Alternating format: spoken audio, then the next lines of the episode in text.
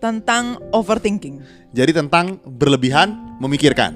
Iya, Iya. pemikiran yang berlebihan. Oh, pemikiran yang Jadi berlebihan. punya otak yang banyak di dalam.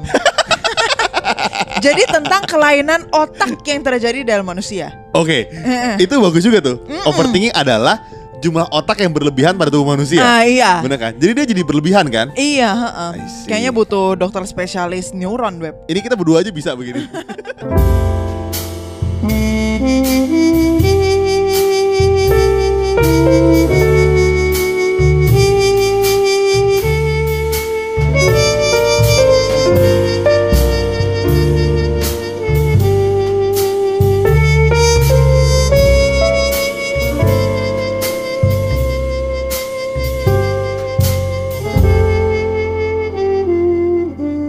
Oke. Beb, Nah, di mana-mana kalau mulai podcast kita tuh depannya pasti beb. oh iya bukan bukan oke kayak aneh gitu lah. Iya, itu enggak. Kayaknya menurut aku ini karena kesalahan cuttingan kamu aja. Kita kan lagi ngomong-ngomong, terus gua ngomong yes, terus lu cuttingnya salah. Terus gue masukin di depan. Iya, Beb, hari ini kita bakal bahas topik apa? tentang overthinking. Jadi tentang berlebihan memikirkan. Iya, Iya. pemikiran yang berlebihan. Oh, pemikiran yang Jadi berlebihan. punya otak yang banyak di dalam. Jadi tentang kelainan otak yang terjadi dalam manusia. Oke, Eh, itu bagus juga tuh. Overthinking adalah jumlah otak yang berlebihan pada tubuh manusia. Ah iya. Bener kan? Jadi dia jadi berlebihan kan? Iya. I see. Kayaknya butuh dokter spesialis neuron web. Ini kita berdua aja bisa begini. kita akan bahas teman-teman overthinking. Jadi ini ini menarik sebetulnya.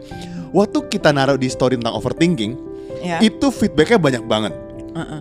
DM tuh banyak banget dari ngomongin soal ngomongin soal selingkuh, ngomongin soal dia baper karena eh mau nembak cewek baper, Ah. kemudian punya masa lalu yang baper, Betul. kemudian punya pasangan lebih kaya jadi overthinking. Jadi jadi ternyata overthinking tuh banyak banget faktornya. Ah, j- kayak- kayaknya kamu dari tadi ngomong tentang baper-baper atau emang orang overthinking karena baper atau orang baper karena overthinking? Orang susah juga. Mikir dulu ya. Oke, jadi jadi teman-teman kita tuh eh, pernah bahas sebetulnya di Instagram kita soal overthinking gitu ya. Tapi kita mau eh, perjelas lagi. Jadi menurut kamu beb, overthinking itu apa? Oke. Kalau kalau- kalau ngomongin KBBI banyak banget, tapi menurut kita apa sih overthinking? iya, soalnya kita namanya Pilot Talk Podcast, bukan Jadi- KBBI Podcast. Yoi. Iya, jadi mesti Pilot Talk Pilot Talk. Pilot gitu talk, kan. pilot talk. Nah, kalau menurut aku overthinking itu ketika seseorang membuat realitanya sendiri. Jadi maksudnya dia melihat sesuatu tapi kemudian dia menerjemahkan sesuatu itu menjadi sesuatu yang lain. Jadi Contoh, misalnya contoh, dia dia contoh. ngeliat kuda, terus dia menerjemahkan kuda itu sebagai bagian atau simbol dari pangeran yang belum datang, misalnya gitu. Kan gue bilang gitu, me- me- menerjemahkan sesuatu menjadi sesuatu yang lain. Oke, contohnya dia lihat kuda, terus dia berpikir bahwa ini adalah simbol pangeran yang belum datang. Agak jauh overthinkingnya ya. maksudnya maksudnya gini dia membuat realitas sendiri padahal dia ngelihat misalnya orang itu telat jemput Hmm. tapi terus eh, dia menandakan itu sebagai simbol bahwa pasangannya nggak care sama dia Oke. gitu Beb, contoh spesifik. Kamu pernah Loh, tadi overthink- co- contoh Nggak, nggak, tunggu, spesifik. tunggu, tunggu. Supaya supaya gini. Pendengar kita masih relate kan? Kalau kita berdua tuh overthinkingnya suka apa biasanya? Kalau kalau kamu overthinkingnya tuh gimana? oke kalau aku overthinkingnya itu suka misalnya Sa- gini Sama aku ya, sama aku ya. Ah, misalnya gini kamu tuh orangnya suka banget kalau ngambek itu diem Iya. Jadi kalau misalnya kita berantem terus habis itu diem gitu kan. Nah itu aku sering banget overthinking kayak misalnya, hmm dia masih sayang nggak ya sama aku, hmm dia lagi mikirin apa ya, hmm jangan-jangan kemarin apa gue salah ngomong ya, hmm aku kemarin emang salah apa sih gitu, apa segitunya, hmm apa dia kayaknya berlebihan deh, hmm dia kayaknya pokoknya mulai deh gitu kan. Hmm, hmm. Jadi makin blok-blok yang sangat banyak, terus abis itu jadi em, bukan realitas sesungguhnya. Oke, ini ini menarik. Jadi gue pengen nambahin sekalian juga. Gua kalau overthinking sama ini juga sama. Kejadian lagi berantem. Ya betul. Kejadian sama. Waktu gue diemin dia juga. Nah, itu Jadi waktu dia. gue diemin dia, gue merasa kemarin dia ngomong gini ya. Kok dia jahat banget ya. Ah. Jangan-jangan dia mikir gini lagi. Gila, ternyata lebih jahat daripada yang gue pikir. Kok lu bisa mikir begini ya? Padahal mungkin cuma satu yang dipikir gitu. Biasanya kejadian overthinking itu terjadi waktu kita berdua berantem dan lebih khususnya lagi waktu kita saling diem-dieman. Jadi jadi ketika gue ngediemin Mandy, Mandy overthinking merasa eh, gue tuh marahnya kenapa ya gitu Iya, dan betul. gue diemin dia karena gue merasa lu ngomong kok jahat dia gitu Uh-uh. dan gue jadi mulai mikirin hal-hal lainnya gitu Betul. jadi kalau ditanya ke- kesalahan terbesar overthinking tuh waktu berantem biasanya Benar. Dan biasanya itu terjadi ketika realita dicampur diubek-ubek gitu ya sama emosi yang berlebihan.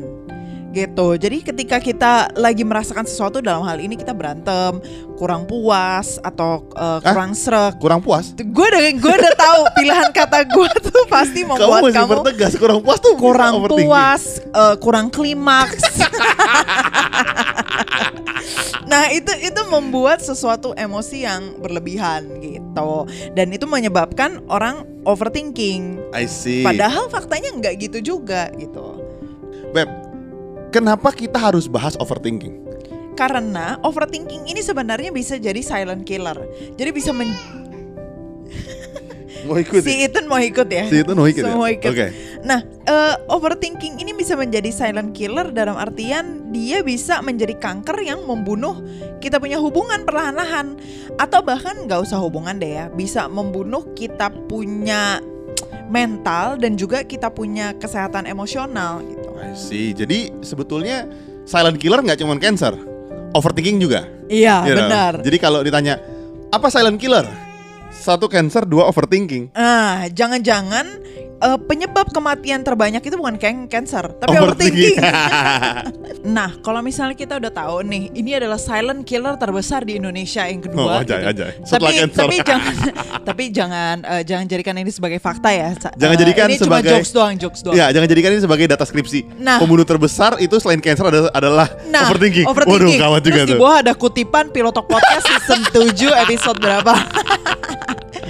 Ah, kenapa sih Beb? Eh, kalau misalnya nih udah tahu ini bisa membunuh gitu ya karena overthinking. Ya. Kenapa orang bisa overthinking? Jadi kita tuh pernah bahas sebetulnya apa penyebab overthinking di Instagram kita. Ya. Ada lima hal lah dari perfeksionis, dari teman-teman circle lu yang toxic gitu. Ah. Tapi ada yang kita pengen bahas lebih spesifik sebetulnya apa yang bikin orang tuh jadi sangat overthinking biasanya tuh karena masa lalu dia. Iya, iya, aku Jadi setuju banget. jadi kalau misalnya misalnya ya lu pacaran gitu, terus pasangan lu selingkuh, terus lu ketemu pasangan lu yang baru, baik banget orangnya, tapi lu jadi baper orangnya. Betul. Jadi pengalaman buruk masa lalu itu bisa mempengaruhi kamu punya cara berpikir gitu kan. Betul, sangat sangat signifikan. Dan ini merupakan sesuatu yang justru bisa dijelaskan secara psikologis sih. Tadi aku baru nonton YouTube ya. Jadi ada namanya attachment theory gitu dari seorang psikolog siapalah gitu namanya. Kalian coba deh eh, apa Google tentang attachment theory. Jadi ini menunjukkan bahwa em, masa kecil kita itu mempengaruhi kita punya cara berpikir ataupun cara memandang diri kita sendiri di masa depan pada saat kita sudah dewasa gitu. Jadi misalnya pas kecil itu em, ada orang yang eh, grow up dengan broken family dan tidak diperhatiin, em, kurang ada apa ya kemampuan bersosialisasi, terutama dengan orang tuanya ya di sini ya. Nah itu menyebabkan mereka menjadi seorang dewasa yang kurang percaya diri, kurang bisa percaya orang, karena itu tidak dikembangkan pada saat mereka kecil gitu. Dan ini mungkin ya eh, pengaruh juga ke cara kita berpikir gitu. Dalam hal ini em, memandang suatu fakta atau suatu kejadian dan kemudian em, kita bergelut dalam emosi eh, atas ketidakpercayaan diri kita, ketidakpercayaan kita akan pasangan, pengalaman buruk yang masa lalu, jadi overthinking gitu, jadi mematikan lama-lama. Itu bisa bisa banget juga, tapi gue mau bilang gini ke teman-teman. Jangan kalian kalau keluarganya broken home gitu ya, terus jadi bilang gini, gila ternyata gue tidak punya harapan karakter gue pasti jelek gitu. Nah nah itu juga juga nggak boleh karena Betul. menurut gue itu itu berpengaruh ya pasti. Karena gue juga baca buku bener berpengaruh masa lalu lu. Tapi lu tuh bisa memilih ketika lu udah gede gitu. Lu lu, lu bisa memilih dengan sadar nggak deh kayaknya gue pengen move on makanya sekarang kita bahas nih gimana cara orang bisa nggak overthinking Nah, karena lu punya banyak training-training sebetulnya untuk nggak overthinking ih, kayaknya Iya. Budi mau jualan training. Training apa Beb, pertama? Bener, abis ini gue pengen buka kelas sebetulnya Nanti gue kasih referral code-nya ya Jadi em, kita mau ngasih beberapa trik soal menghilangkan overthinking Kenapa kita bisa ngasih ini? Karena kita ngalamin juga As a pasangan, sebagai anak, sebagai orang dulu kuliah Uh-uh. Karena Karena to be honest waktu dulu gue kuliah, gue juga overthinking Oke. soal umur gue yang lebih tua tiga tahun Nah. gitu. Apalagi soal di masa-masa perkenalan yang gue lebih tua daripada mentornya gitu kan tiga tahun di atas Oh, gitu. Jadi gue takut banget kalau ditanya lu dari sekolah mana gitu. Iya, iya. Jadi gue sangat-sangat menutupi diri gue ketika gue kuliah. Jadi nggak hanya soal pasangan, tapi banyak banget hal-hal yang yang eh, bisa mempengaruhi lu di aspek-aspek hidup lu sebetulnya gitu. Nah, Beb, karena di catatan kita kamu dulu yang pertama, jadi kamu dulu yang bahas. kan kamu yang pertama waktu kita Padahal kamu yang menjembatani, tapi tetap aja ya lu lempar ke gue ya. Nah, menurut aku ya, satu hal yang bisa membuat lu apa terbebas dari overthinking tuh em, coba tarik nafas dulu dalam-dalam. Nah, kenapa? Karena kadang-kadang orang overthinking itu mereka punya emosi tuh sedang kayak dalam tahap yang sangat tinggi gitu. Jadi sangat-sangat em, lagi kesel banget atau lagi sedih banget, lagi kecewa banget gitu. Jadi yang sebenarnya mungkin nggak sampai segitunya, tapi mereka jadi bergelut dalam emosi sendiri. Jadi ada penting juga untuk take a step back dari masalah sesungguhnya itu dan lu coba fokusin diri lu ke hal-hal yang coba menyenangkan dulu gitu. Refreshing kah, doing yoga, eh, baca buku, dengerin musik gitu. Dan Ya, ya. em, ada bagusnya jadi kalian nggak selalu mikirin hal itu mulu, mikirin hal itu mulu. Hmm. Jadi coba pertama-tama menurut aku coba na- tarik nafas dulu dalam-dalam, relax dulu gitu. Jadi kalian bisa memikirkan fakta ataupun situasi itu dengan kepala yang lebih dingin. Gitu sih. dari yang Mandy bilang, gua gua sangat-sangat fokus de- dengan cek fakta. Jadi banyak banget orang yang overthinking karena mereka nggak lihat fakta pasangannya. Jadi Oke. misalnya misalnya pasang ada orang bilang, eh gue liat cowok lu jalan sama orang lain gitu. Dia nggak pernah lihat fakta cowoknya. Dia langsung damprat cowoknya, dia langsung kontak cowoknya, dia langsung marah-marah sama Nah, cowoknya. itu gitu. dia. Buat gua cek fakta ini sangat penting. Bahkan ketika cek fakta, lu mesti riset beberapa kali. Artinya ketika orang bilang lu nggak boleh langsung menuduh pasangan lu gitu, Hmm. atau menuduh keluarga lu, menuduh kakak adik lu segala macam. Iya. Lu mesti cari tahu bener nggak sih dia begitu. Nah, Ada ada satu contoh yang gue inget banget. Dulu gue sama kakak gue suka berantem kan. oke. Kayak gue merasa kakak gue tuh menyebalkan biasa lah beda 2 tahun dengan kakak adik suka berantem. Ah, ah, Terus, biasalah. Eh, kan teman-teman tahu gue tuh kuliahnya telat gitu kan tiga tahun. Kakak gue juga telat karena sama-sama kere memang. Jadi kuliah kerja dulu tiga dua-duanya. Terus ketika dulu eh, kakak gue mau kuliah, eh, dia dia sempat bilang gini ke nyokap gue dan itu gue nggak tahu. Dia bilang gini, mam udahlah saya nggak usah kuliah, duitnya kasih Budi aja buat kuliah karena Oke. buat DP dia. Eh, nyokap gue bilang "Eh, jangan-jangan nanti mama aja coba buat si Budi deh gimana caranya. Jadi waktu itu ketika gue tahu fakta itu gue jadi merasa sebenarnya waktu dulu dia rese-rese iya dia tetap sayang sama gue juga sih karena gue laki gitu maksud gue karena gue laki kakak gue perempuan dia pengen gue yang kuliah sebetulnya gitu nah itu kan hal yang yang lu kadang-kadang nggak pernah ngecek faktanya gitu Betul, betul. akhirnya lu jadi dikit-dikit baper dikit-dikit baper padahal niatnya itu Baik. eh, baik kakak gue beli mobil karena dia mau kerja lebih baik jadi duitnya dia simpen yang lain supaya duit tabungannya dia bisa buat eh, gua kuliah, Kuliah. itu. jadi jadi banyak banget hal-hal yang bikin lu overthinking karena karena lu nggak pernah ngecek data faktanya Nah, itu, itu dia. itu dari Mandy yang sangat gua highlight dan buat teman-teman juga kalian kalau ada apa-apa calm down tarik nafas tenang sama Exactly. cek fakta yang lebih detail Iya. gitu ini dari gue dari gue ini sering gue bilang ke Mandy gitu ini adalah hal yang gue berkali-kali bilang ke Mandy Wow. dan ke diri gue sendiri Wow. pertama gimana caranya supaya lu tidak overthinking jangan bereaksi berlebihan karena ketika lu dapat informasi gitu ya terus respon lu berlebihan pikiran lu juga jadi berlebihan. Mm-mm. Misalnya contoh gini, eh misal lu janjian di kafe gitu ya, Berarti bener kan kata gue harus nafas dulu.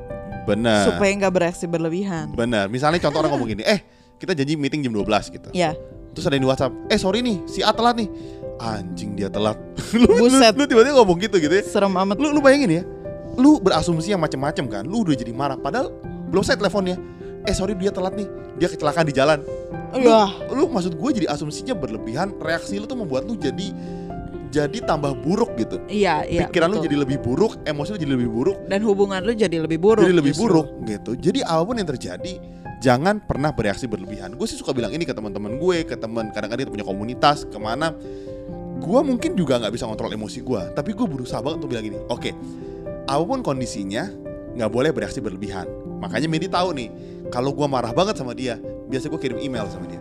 Karena kalau kirim email kita ketik kan, kita ketik kirim email, jadi bahasanya kan lebih pelan-pelan, lebih kayak Iya, gue ngomong apa sih ini aneh gitu. Kalau gue marahnya biasa aja, biasa gue bilang gini beb ngobrol yuk gitu. Jadi gue gue tuh ah, pernah lah mungkin meledak sekali, tapi jarang karena gue tahu karena gue tahu biasa ngaco gue tuh gitu jadi gue berusaha menahan sebanyak mungkin emosi gue supaya nggak keluar gitu nah itu yang pertama kamu namain nggak? Nah, yang kedua apa beb? yang kedua ini gue pengen bilang tempatkan diri lu di posisi orang lain jadi apa sih bahasa Inggrisnya yang kayak gitu i- Put yourself in other people's shoes. Nah, jadi lu lu coba deh kalau misalnya lu di posisi dia tuh gimana gitu. Misalnya contoh, ini relationship gue sama Mandy. Waktu dulu kita eh, sekalian jawab pertanyaan te- teman-teman juga ya yang lagi Hmm. LDR ya. Dulu waktu Mandy S2 itu kan jam kita beda 12 jam. Terus dia kan eh, kuliah beasiswa tapi dia kerja juga full time kerja. Jadi duitnya banyak banget ya. Duitnya banyak banget orang kaya banget. Kayaknya ya nggak nggak perlu di highlight. Oke. Nah dia kerja banyak pulang capek. Nah kita jadi nggak punya waktu buat quality time gitu.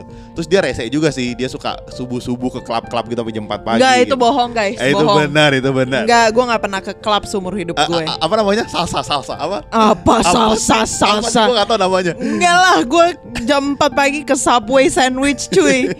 jadi jadi kondisinya capek. Kadang-kadang kadang-kadang lu kalau di posisi dia, lu bilang gini, kok lu LDR tapi kok lu nggak pernah nemenin gua sih gitu. Kok lu nggak pernah iniin gua sih gitu. Nah, mungkin kalau di tempat dia ceritanya jadi berbeda. Capek kerja, komunitas baru, teman-teman baru, adaptasi baru, nggak ada orang Indonesia. Lu butuh komunitas yang lebih support gitu. Jadi kalau coba menempatkan diri di posisi orang lain, mu- mungkin mungkin lu jadi lebih relate kan. Oh iya ya, kenapa dulu dia gitu ya? Gitu. Akhirnya lu jadi lebih, lu jadi nggak overthinking. Jadi sebenarnya bukan nggak overthinking tapi eh bukan berarti thinking tapi thinking about other stuff gitu loh. Betul, tapi betul. thinking about other people's feelings gitu. Jadi nggak selalu kayak berpusatkan pada gue, berpusatkan pada gue. Gue ini capek loh, gue ini Eh, capek eh, loh. Dia, tapi dia nggak capek. berpusatkan pada orang lain juga gitu. Jadi lu mikirin perasaan orang lain juga. Gitu. Nah, yang ketiga yang terakhir dari aku adalah sering kali overthinking terjadi, bukan sering kali. Menurut gua mungkin hampir 95% kali lebih dari sering kali. Biasanya karena kurang komunikasi atau lu nggak ngomongin masa lalu dan perasaan lu sama pasangan lu atau orang lain atau sahabat lu atau keluarga lu. Itu yang bikin lu jadi overthinking. Betul nggak, Beb? Misalnya gimana beb? Yang tadi kita bilang di depan kalau konteks kita berdua. Kita jadi tambah membenci satu sama lain karena kita nggak ngomong di kondisi diam-diaman kita kalau berantem kan diam-diaman memang gitu. Dan itu membuat kita jadi overthinking. Atau gue pernah teman sahabat gue cerita lah dia sama orang tuanya overthinking karena memang mereka nggak pernah bangun komunikasi gitu. Ada tipe culture keluarga yang memang nggak suka curhat nggak suka cerita. Ya, itu akhirnya lu jadi baper sama orang tua lu orang tua lu juga jadi ngerasa benar-benar. kok lu nggak respect gue sih? Gitu. Karena kalian nggak pernah ngobrol heart to heart gitu.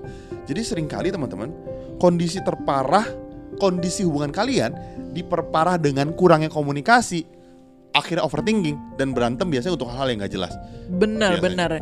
Nah, jadi kan karena kebanyakan mikir sendiri, kebanyakan berpusatkan pada sendiri dan instead of membuka diri untuk mencari tahu pandangan orang lain gitu dalam hal ini berkomunikasi gitu ya. Itu membuat kalian jadi ya ya mati sendirilah gitu. Apa mati dalam pikiran sendiri. Jadi salah satu cara untuk stop overthinking adalah communicating. Betul Gitu. luar biasa Luar biasa. Itu Stop. kayaknya bisa jadi highlight tuh. bisa jadi judul ya Iya. stop overthinking with communicating Ush, luar biasa Gila. Nggak, Nah. nggak, nggak percuma kuliah jauh-jauh. iya nggak percuma lah S2 2 tahun Iya. lah. Inggrisnya oke lah oke lah Beb ini ada dua pertanyaan yang ditanya pendengar kita yang eh, aku pengen bahas karena menarik Oke. pertanyaannya dia bilang gini gimana cara ngebedain overthinking sama insting gitu ya atau firasat your guts want to tell you something gimana ngebedain ini Oke. Em, kalau dari aku agak susah ya karena aku punya pengalaman pribadi juga kayak eh gue yakin banget nih ini bener gue yakin banget gitu ya. Tapi ternyata gue salah, salah besar gitu, salah total. Ternyata gue overthinking. Nah, one of the things yang I find helpful itu adalah ketika gue lagi mencerna sesuatu atau misalnya mau ngambil keputusan gitu ya, atau mau berpikir tentang em, ya apalah sesuatu itulah. Nah, em, cara satu-satunya untuk supaya lebih netral adalah ya cari second opinion gitu. Jadi stop em, karena kadang-kadang kita kalau misal kebawa emosi itu susah ya. Maksudnya susah ngontrol, susah berpikir jernih gitu. Jadi em, I find it helpful untuk ngobrol sama orang lain untuk menjelaskan fakta yang ada dan kemudian cari tahu pendapatnya dia gitu. Nah, pendapatnya dia itu bisa menjadi suatu apa ya em, either itu kontradiksi atau bisa menjadi validasi apakah yang kalian pikirkan itu benar atau enggak. Jadi ini cari cari op, cari apa eh, Second opinion. second opinion ya dari dari orang lain gitu. ya. Uh-uh, jadi stop your thinking and actually uh, communicating gitu dengan orang lain uh, supaya kalian bisa cari jalan keluarnya lah gitu. I see. Kalau misalnya Karena kan ada hal ini kan nggak selalu dengan pasangan ya. ya ya. Kom- Overthinking bisa dengan pekerjaan, bisa dengan bos, Bisa bisa, dengan keluarga. dengan keluarga gitu. Ya ya ya that's, that's very jadi jadi sense. itu penting banget untuk cari second opinion. Gimana menurut lu? Gue overthinking gak sih gitu? kalau misalnya gue lebih ngelihat data, maksudnya uh, if your guts want to tell you something, pasti ada data-data penunjangnya. Mi- Misalnya ya, misalnya kelihatan, misal kali ini ngomongin pasangan deh, dia sering pulangnya kok akhir-akhir ini berubah ya, terus lu jadi punya feeling gitu. Gua rasa data itu lumayan lumayan membantu lu untuk merasa bener nggak sih feeling gue dan lu bisa cross check lebih dalam akhirnya. Lu bisa ah kayaknya gue pengen cari tahu deh bener gak sih gimana kondisi gitu? Hmm. menurut aku ya jadi selain lu ngomong sama second opinion temen lu kayaknya lu bisa juga untuk ngelihat data-data yang terjadi. Lu bisa lihat deh dalam sebulan terakhir kok tiba-tiba ada perubahan ya apa yang terjadi ya? Hmm. akhirnya lu lu punya feeling nggak enak lu mulai cari tahu akhirnya lu tahu jawaban oh ternyata keluarganya ada yang meninggal. Misalnya gitu loh. Iya. atau ternyata bener nih dia selingkuh gitu. Atau ternyata bener nih something happen gitu. Nah data-data penunjang itu akan ngebantu lu untuk berpikir lebih lurus gitu karena Ya. sering kali your guts itu apa ya mungkin lu kurang Bisa makan juga. sakit jadi salah insting lu Eh, hangry hangry gitu ya hungry angry jadi ya mungkin gimana, gimana? mungkin nggak cuma fakta doang tapi ya pola kali ya Oh, setuju, setuju. karena kadang-kadang kalau ngelihat fakta itu suka blurry juga Iya, tapi iya. kalau pola itu kan sesuatu yang kejadian berulang berulang Iya, iya. berulang gitu ada quotes bagus banget um, a mistake that you did twice is a decision Oh, jauh, Jadi jauh. ketika lu melakukan kesalahan yang kedua kali itu bukan bukan cuma kayak nggak sengaja doang, tapi emang keputusan. Emang gua mau selingkuh misalnya, emang gua mau Hmm. bohong, emang gua mau sengaja telat atau gimana gitu. Jadi ngelihat pola lah, berapa kali dia melakukan itu, berapa kali kejadian ini berlangsung Ya, ya. gitu. Dan Tapi itu lebih lebih clear sih. Tapi jangan teman-teman letter luck bilang begitu dua kali berarti lu jelek jangan ya. Maksudnya itu kan itu kan quotes maksudnya pepatah Kamu kok suka banget mengkontradiksi gue sih, Beb? suka karena karena kan dosen beb jadi harus di challenge itu pendapat sebetulnya nah eh, itu dari kita sebetulnya pertanyaan teman-teman gimana cara ngebedain insting lu sama sama apa tadi namanya You got want Oh. to tell you something. Eh, overthinking sama insting lo gitu. Nah pertanyaan kedua ini sih kita pernah bahas sebetulnya. Dia tanya eh, hal yang kedua. Hidup sama pasangan yang overthinking dan bagaimana menyampaikan ke pasangan kalau lu tuh overthinking gitu tapi dia nggak baper. Karena sering kali kita bilang gini kok lu pikirannya lebay banget sih? Terus dia baper gitu. Gimana caranya? Kita, kita pernah bahas nih teman-teman. Kita pernah eh, kolaborasi sama salah satu sahabat kita namanya Tika tentang gimana cara ngubah pasangan menurut gua itu sangat bagus point of view-nya. Jadi eh, mungkin teman-teman bisa terapkan di sini gitu ya. Ketika lu mau ngomong sama orang lain pasangan lu terutama tentang perasaan lu tentang ke nggak sukaan lu sama dia Uh-uh. lu nggak bisa bilang dia tuh jelek. Tapi lu mesti bilang saya tuh sedih atau saya tuh perasaan saya gitu. Iya, Misalnya- saya plus perasaan saya Iya, apa gitu. Eh, eh kamu tau gak sih? Aku tuh sedih banget kalau eh, lihat kamu tuh banyak pikiran gitu Ah. saya tuh sedih banget kalau lihat kamu tuh banyak pikiran sehingga kamu jadi nggak konsen kerja kalau kamu punya pikiran boleh nggak ngobrol sama saya Ah, kan Soalnya- lebih enak. soalnya enak jadi yang lu ngomong itu nggak merasa tersudutkan sebetulnya karena kalau lu ngomong sama orang kamu dia tuh defensif apa pun poin lu ya Iya, betul. dia defensif jadi mendingan lu bilang saya tuh seneng kalau gitu Iya, jadi itu akan soften the blow lah istilahnya. Yes, yes. Jadi bukan berarti terus nggak komunikasi atau gimana, tapi ada cara komunikasi yang lebih baik yaitu dengan cara mengemukakan emosi kalian duluan sebelum kemudian memaparkan faktanya, apa pun itu. betul. Jadi teman-teman eh, ini sih singkat tapi kalian coba deh terapkan. Tapi tulus ya jangan jangan ngomong-ngomong gini jangan bilang gini. Saya tuh marah kalau kamu tuh baperan. Gitu kayaknya tuh jadi jadi jadi aneh. Malah bikin emosi ya. Jadi kalian bisa arrange lah. Kalian kan tahu pasangan kalian gimana. Kalian kan tahu eh, dia tuh seperti apa gitu. Jadi kalian lebih tahu. Oh ya beb, ini terakhir. Ini sih topik in- ini sih ada yang nanya terakhir. Aku sih mau jawab simpel aja yang nanya gini. Kak, pasangan saya punya pacar. Dia tuh dulu putus sama pacarnya. Dia orang kaya, kaya banget. Terus sekarang dia pacaran sama saya. saya tuh overthinking kalau keluarganya dia nggak terima saya, kalau dia nggak terima saya. Oke. Menurut kakak gimana? Ini dari aku beb, nanti kamu boleh tambahin. Mm-mm. Setiap orang itu kan starting levelnya beda-beda.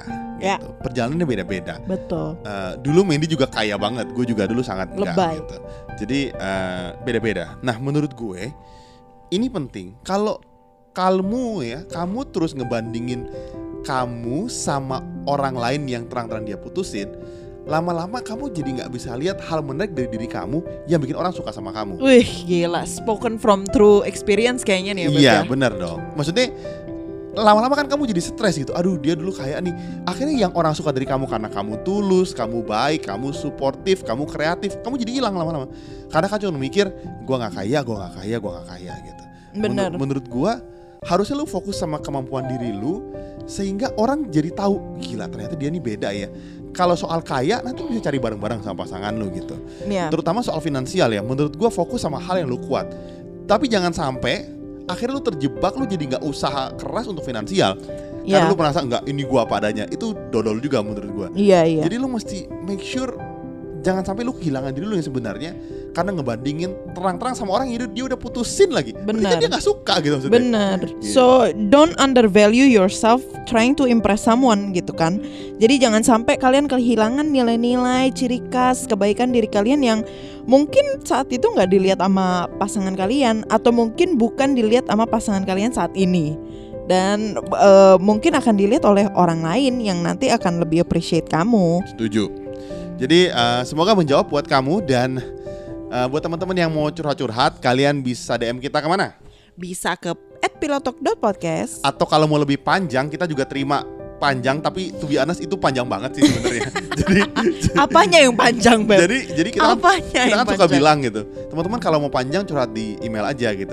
Dan, Dan ternyata beneran dan panjang. ternyata beneran panjang gitu. Kadang-kadang kita baca esai. "Wih, panjang banget ya sampai kita bingung ah, sampai mana sih ini tadi ceritanya gitu. Kalian tetap tapi kita akan balas satu-satu. Emang masih ada beberapa yang kita belum balas karena banyak yang email. Kalian bisa email kita ke pilotokpodcast.id at gmail.com Jangan lupa saksikan keseharian kita juga di TikTok at pilotok.podcast. Jadi sampai situ aja. Sampai ketemu minggu depan. See ya. Kalian tahu nggak sih rahasia bagaimana kita berdua bisa bikin konten setiap minggunya secara rutin? Ternyata rahasianya ada di nasi padang. Jadi, gengs, tiap kali si Budi itu makan nasi padang, dia punya kemampuan berpikir dan kreatif itu semakin meningkat. Jadi, kalau kalian mau beliin kita nasi padang, boleh ke karyakarsa.com slash pilotokid Tenang aja, aku kalau nasi padang tuh murah kok Nasi, sayur sama kuah, paling 10 ribu Iya, karena kemampuan perut Budi akan bertambah dengan cepat kalau dia makan karbohidrat aja. Jadi, jangan lupa ke karyakarsa.com slash pilotokid untuk support kita ya.